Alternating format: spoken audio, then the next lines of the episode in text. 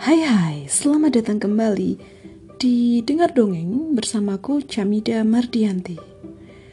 Oke, lama-lama kalau aku terus-terusan mengucapkan namaku sendiri terdengar seperti arogan.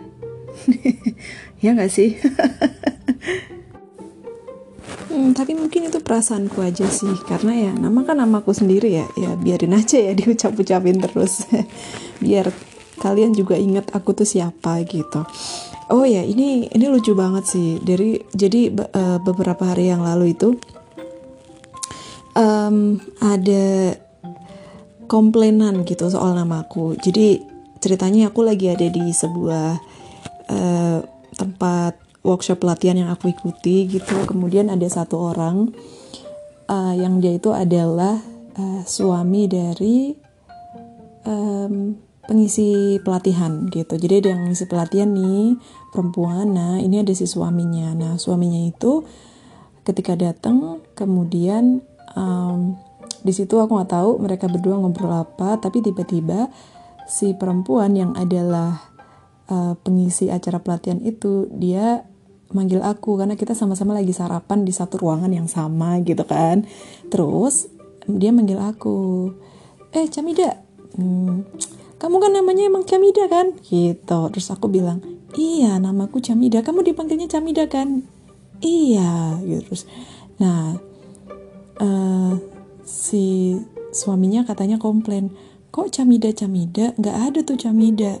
Kan Hamida Camida tuh nggak ada artinya kan Hamida gitu. Terus hmm, si istrinya bilang ya tapi kan dianya maunya dipanggil Camida ya udah. Dan aku cuma responnya adalah ketawa sambil aku tuh sambil nyeletuknya gini. Iya jadinya emang tulisannya namaku tuh Camida C H A M I D A gitu. Nah uh, mungkin awalnya orang tuaku um, emang uh, ngasih namanya Hamida dengan tulisan Camida mungkin. Nah tapi karena um, beberapa orang tuh kesulitan untuk manggil Hamida atau ketika melihat namaku Camida terus panggilnya Camida karena beberapa bule-bule gitu kalau ngelihat namaku ya udah langsung manggilnya Camida bukan Hamida. Jadi ya udah kan aku ya udah nggak apa-apa sih Camida gitu kayaknya belum ada nih nama Camida. Kebanyakan kan masih Hamida. Jadi ya udah akunya juga tidak bermasalah. Nah sejak itu aku jadi kalau memperkenalkan diri atau memanggil namaku tuh Camida. Dan itu terjadi tuh bukan dari dulu aku kecil ya enggak ya. Karena dari kecil tuh aku dipanggilnya tuh Mida aja biasa Mida gitu. Nah tapi kemudian ketika aku mendengar orang-orang tuh khususnya orang-orang yang bukan Indonesia ya gitu nah mereka manggilnya aku Camida gitu. Nah, dari situ aku akhirnya mulai menggunakan nama Camida. Dan ternyata ketika aku uh, mulai kuliah di Cina dan ketemu dengan orang-orang Cina, dosen-dosen Cina, mereka juga lebih mudah memanggil aku dengan menggunakan cha gitu karena mereka punya hmm, aksara cha gitu. Ya sudah kan? Jadi ya gitu, sedikit intermezzo ya. Jadi apa kabar kalian semua? Semoga tetap sehat ya. Ini musim hujan, jaga kesehatan dan tentu saja jangan lupa untuk uh, minum air putih yang cukup ya. Dan uh, meskipun nggak ngerasa terlalu haus karena mungkin agak-agak dingin gitu musim hujan, tapi tetap harus minum air putih yang cukup biar nggak uh, dehidrasi dan biar pup kalian lancar kalau pup lancar, hari-hari kalian juga akan lancar gitu. Nah, uh, teman-teman, aku mau mendongeng lagi, melanjutkan uh, tentang uh, topik besar penyatuan manusia. Kali ini aku mau mendongengkan tentang agama dan hukum agama, dan ini menurutku cukup menarik juga. Jadi dengerin ya. Dalam pasar abad pertengahan di Samarkand, sebuah kota yang dibangun di oase Asia Tengah, para pedagang Suriah menjajakan sutra-sutra halus Cina. Orang-orang suku dari kawasan padang rumput Siberia memajang rombongan baru budak-budak berambut jerami dari barat jauh. Dan para pemilik toko mengantongi koin-koin emas mengkilap bertera tulisan-tulisan dan gambar eksotis raja-raja yang tak dikenal. Di sini, di persimpangan besar antara timur dan barat, utara dan selatan, masa itu penyatuan manusia adalah sebuah fakta sehari-hari. Proses yang sama bisa disaksikan sedang berjalan ketika angkatan perang Kubilai Khan berderak untuk menginvasi Jepang pada tahun 1281. Pasukan kuda Mongolia yang berpakaian kulit dan bulu bercengkrama dengan tentara-tentara infanteri Cina bertopi bambu, para tentara Korea yang mabuk memancing perkelahian dengan pelaut-pelaut bertato dari Laut Cina Selatan, para insinyur dari Asia Tengah menyimak dengan rahang merunduk kisah-kisah para petualang Eropa, dan semua mematuhi komando satu kaisar tunggal. Sementara itu, di sekitar Ka'bah di Mekah, penyatuan manusia berlangsung dengan sarana lain. Kalau Anda pernah melakukan ibadah haji ke Mekah, mengelilingi tempat paling suci umat Islam itu pada tahun 1300, Anda mungkin merasakan berada di tengah-tengah kawasan sepesta dari Mesopotamia dengan jubah-jubah mengembang tertiup angin, mata berbinar-binar penuh sukacita dan mulut mereka mengulang satu persatu dari 99 Asmaul Husna. Tepat di depan Anda mungkin Anda melihat seorang tua Turki yang terpanggang cuaca dari kawasan padang rumput Asia, jalan terpincang-pincang dengan bertumpu tongkat sambil mengusap janggutnya penuh perasaan. Di salah satu sisi Anda, Perhiasan emas berkilau memancar dari kulit hitam pekat, mungkin dikenakan sekelompok muslim dari kerajaan Mali, Afrika. Aroma cengkih, kunyit, kapulaga, dan garam laut akan menandai adanya saudara-saudara dari India atau mungkin dari pulau-pulau rempah-rempah misterius nan jauh di timur. Kini, agama sering dipandang sebagai sumber diskriminasi, perselisihan, dan perpecahan namun sesungguhnya agama telah menjadi pemersatu terbesar ketiga bagi manusia selain uang dan imperium. Karena semua tatanan sosial dan hierarki diimajinasikan, semua itu merupakan struktur-struktur yang rapuh. Agama-agama menegaskan bahwa hukum kita bukanlah hasil dari ulah manusia, melainkan dititahkan oleh satu otoritas absolut dan maha tinggi sehingga menjamin stabilitas sosial. Dengan demikian, agama bisa didefinisikan sebagai sebuah sistem norma-norma dan nilai-nilai manusia yang didasarkan pada keyakinan pada satu tatanan manusia super. Ini mencakup dua kriteria yang khas.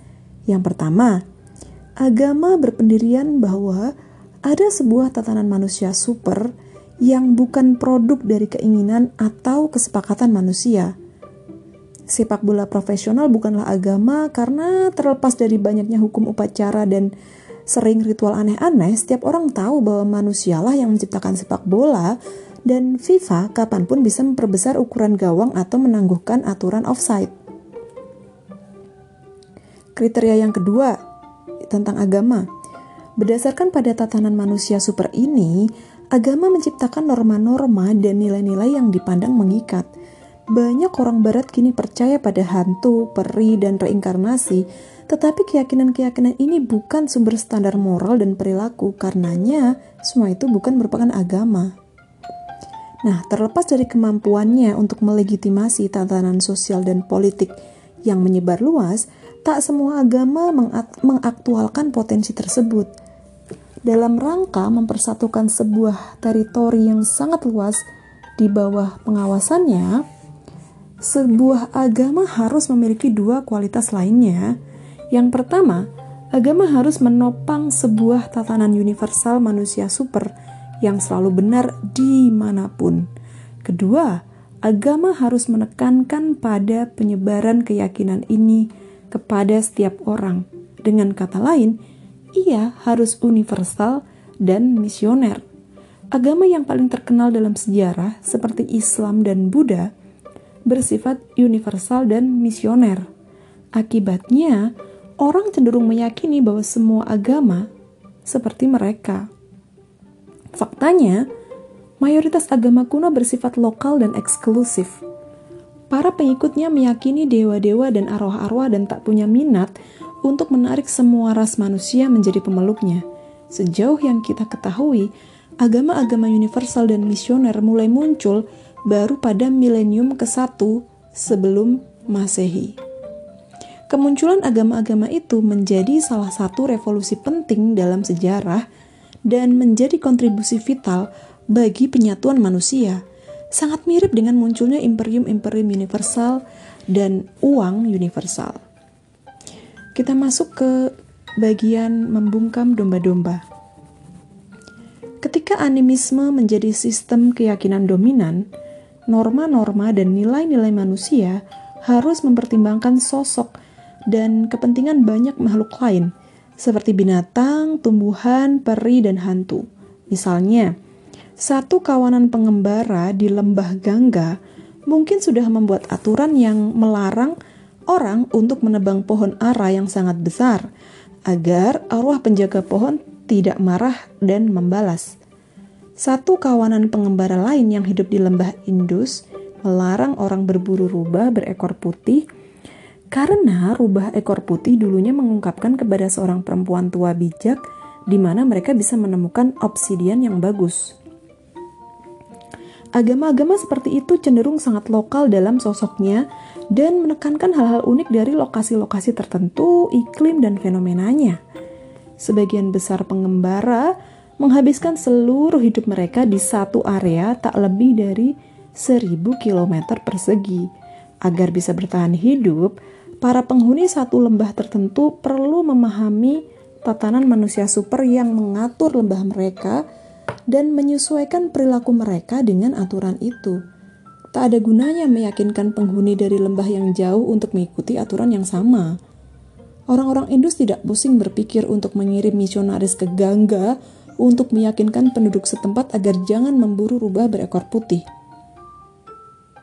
Nah, revolusi agrikultur tampaknya disertai suatu revolusi keagamaan. Para pemburu penjelajah memetik dan mencari tumbuh-tumbuhan serta binatang-binatang liar yang bisa dipandang memiliki status setara dengan Homo sapiens. Fakta bahwa manusia memburu domba tidak membuat domba lebih rendah derajatnya daripada manusia, sebagaimana fakta bahwa harimau memburu manusia tidak berarti manusia lebih rendah dari harimau. Makhluk hidup saling berkomunikasi makhluk hidup saling berkomunikasi secara langsung dan menegosiasikan aturan-aturan untuk mengatur habitat bersama mereka. Sebaliknya, para petani memiliki dan memanipulasi tumbuhan dan binatang dan hampir tak menurunkan derajat mereka sendiri dengan menegosiasikan kepemilikan.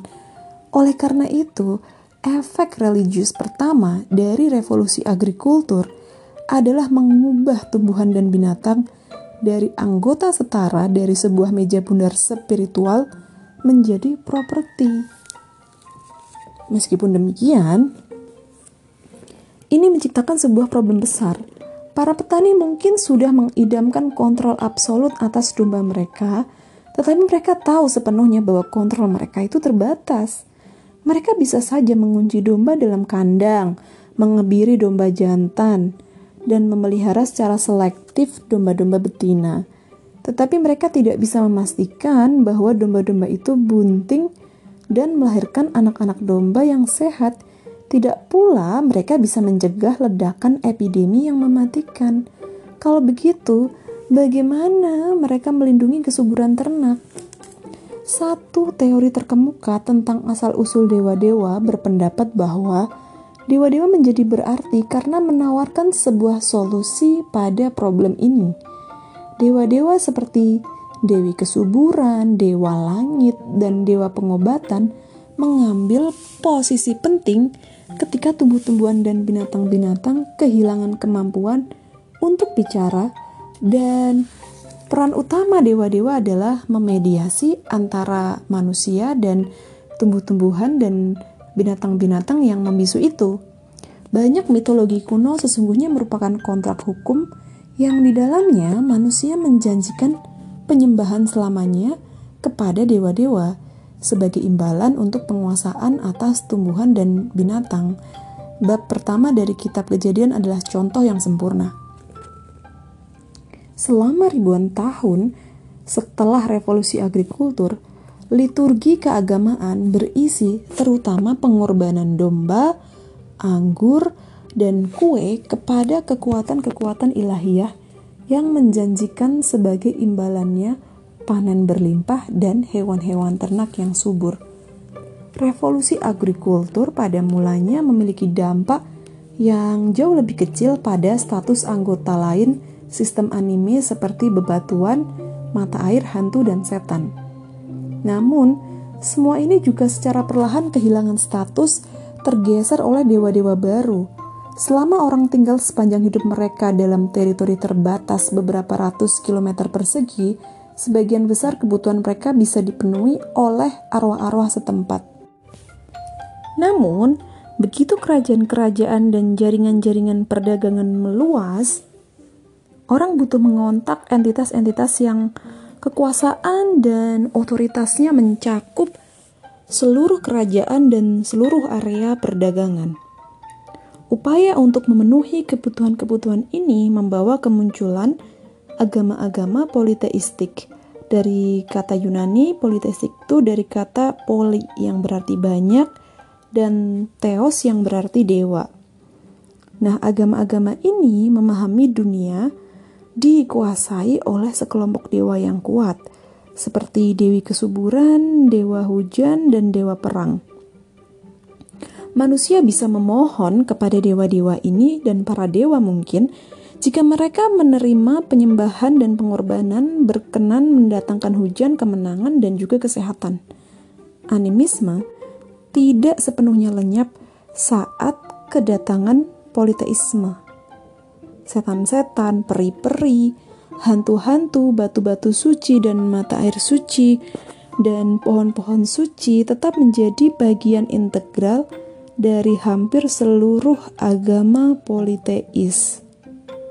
Arwah-arwah ini memang jauh lebih tidak penting ketimbang dewa-dewa besar, tetapi untuk kebutuhan-kebutuhan duniawi, kebanyakan masyarakat biasa mereka cukup baik. Sementara raja di ibu kota mengorbankan puluhan domba gemuk kepada dewa perang, bersembahyang untuk kemenangan atas kaum barbar, petani di gubuknya menyalakan lilin untuk peri penunggu pohon ara, berdoa agar dia membantu mengobati putranya yang sakit. Akan tetapi, dampak terbesar dari bangkitnya dewa-dewa besar bukanlah pada domba atau setan-setan, melainkan pada status Homo sapiens kaum animis memandang bahwa manusia hanya salah satu dari banyak makhluk yang menghuni dunia. Kaum politeis di sisi lain semakin jauh memandang dunia sebagai sebuah cerminan dari hubungan antara para dewa dan manusia. Doa-doa kita, pengorbanan-pengorbanan kita, dosa-dosa kita, dan kebajikan-kebajikan kita menentukan nasib dari seluruh ekosistem sebuah banjir dahsyat mungkin menyapu miliaran semut, belalang, kura-kura, rusa, jerapah, dan gajah hanya karena beberapa sapiens bodoh membuat para dewa marah. Oleh karena itu, politeisme tidak hanya memuliakan status para dewa, tetapi juga status manusia.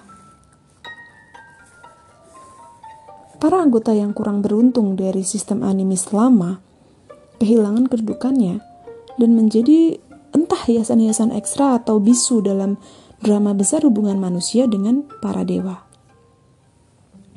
Kita masuk ke bagian manfaat pemujaan berhala. Selama 2000 tahun cuci otak oleh paham monoteis menyebabkan sebagian besar orang barat melihat politeisme sebagai pemujaan berhala yang bodoh dan kekanak-kanakan. Ini adalah stereotip yang tidak adil.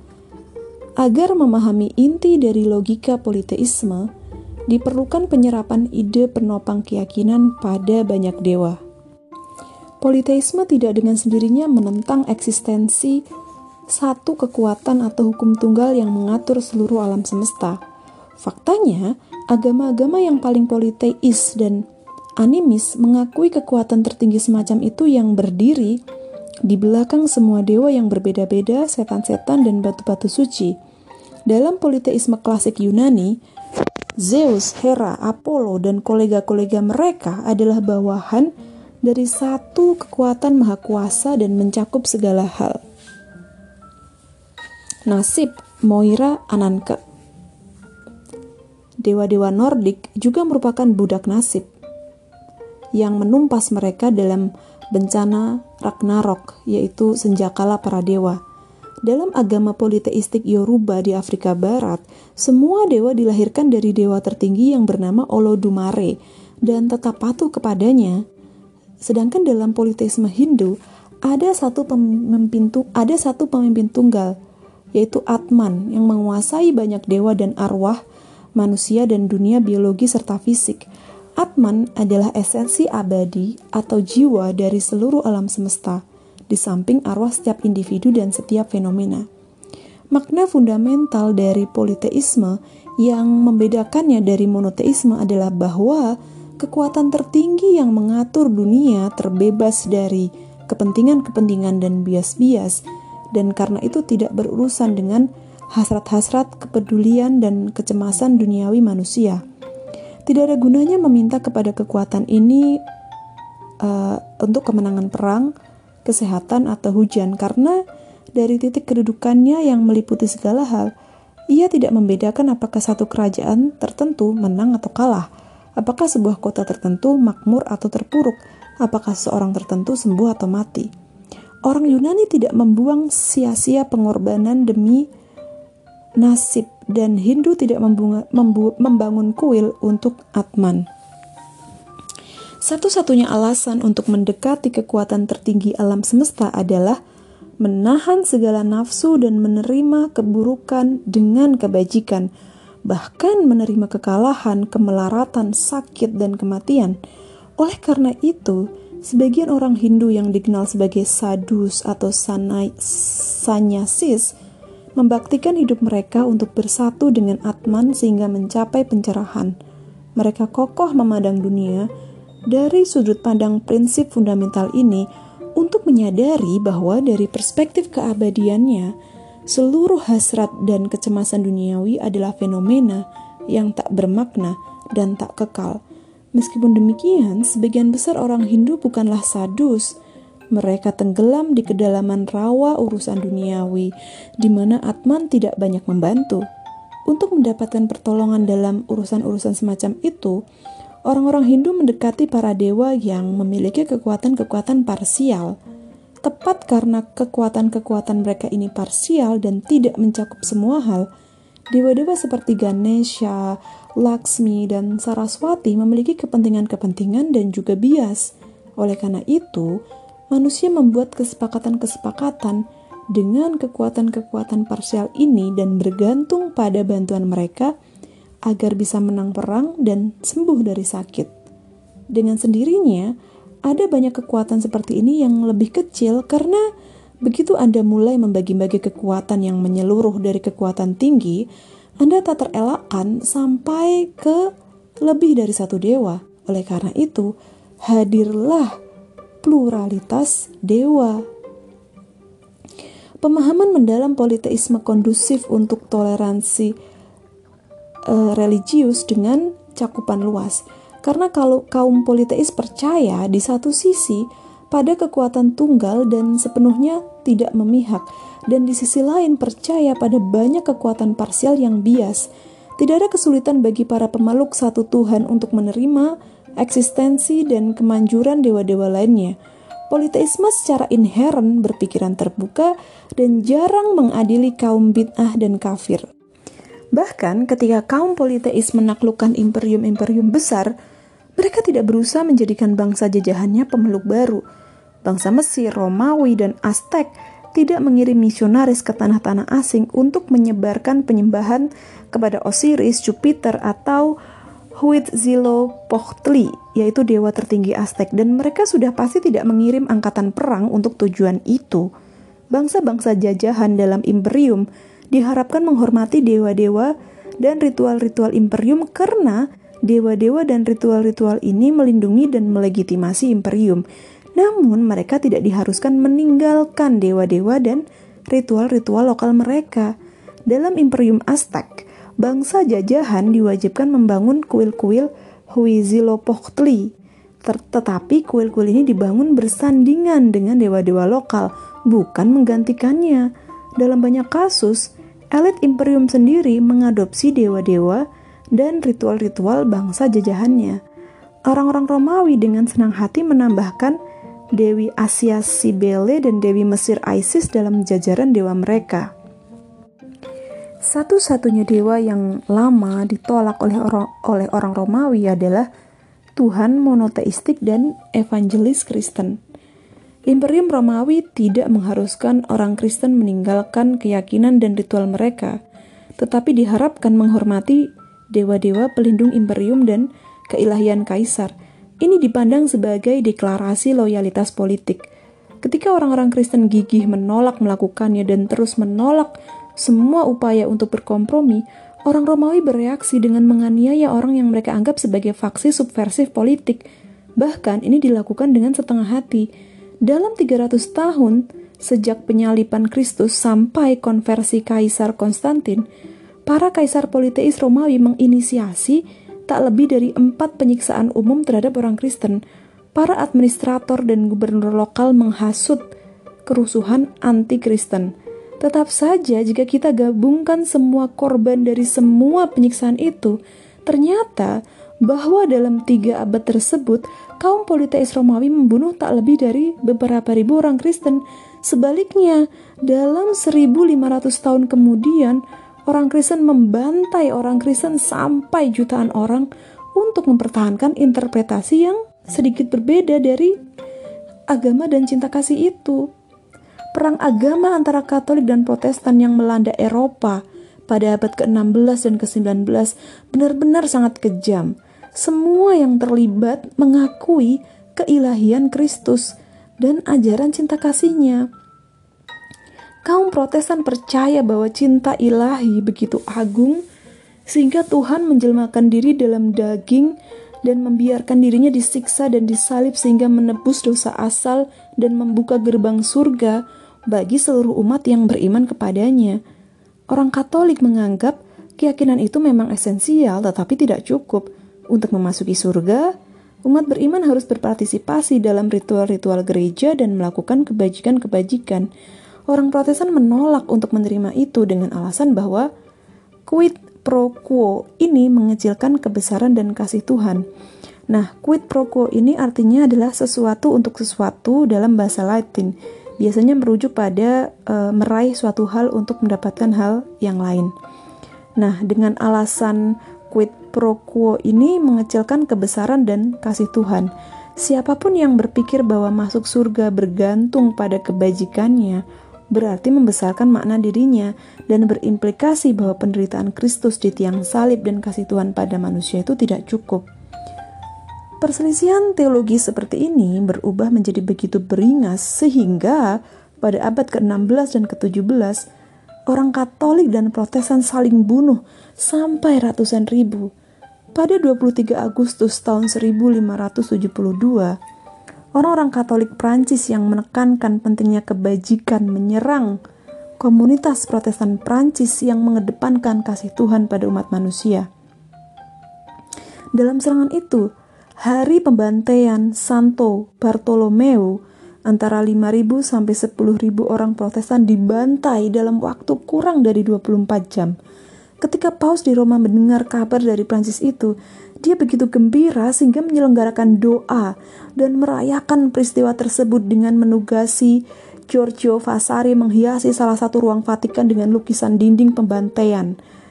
Ruang itu kini terlarang bagi pengunjung lebih banyak orang Kristen yang dibunuh sesama Kristen dalam 24 jam itu ketimbang oleh Imperium Romawi Politeis sepanjang eksistensinya.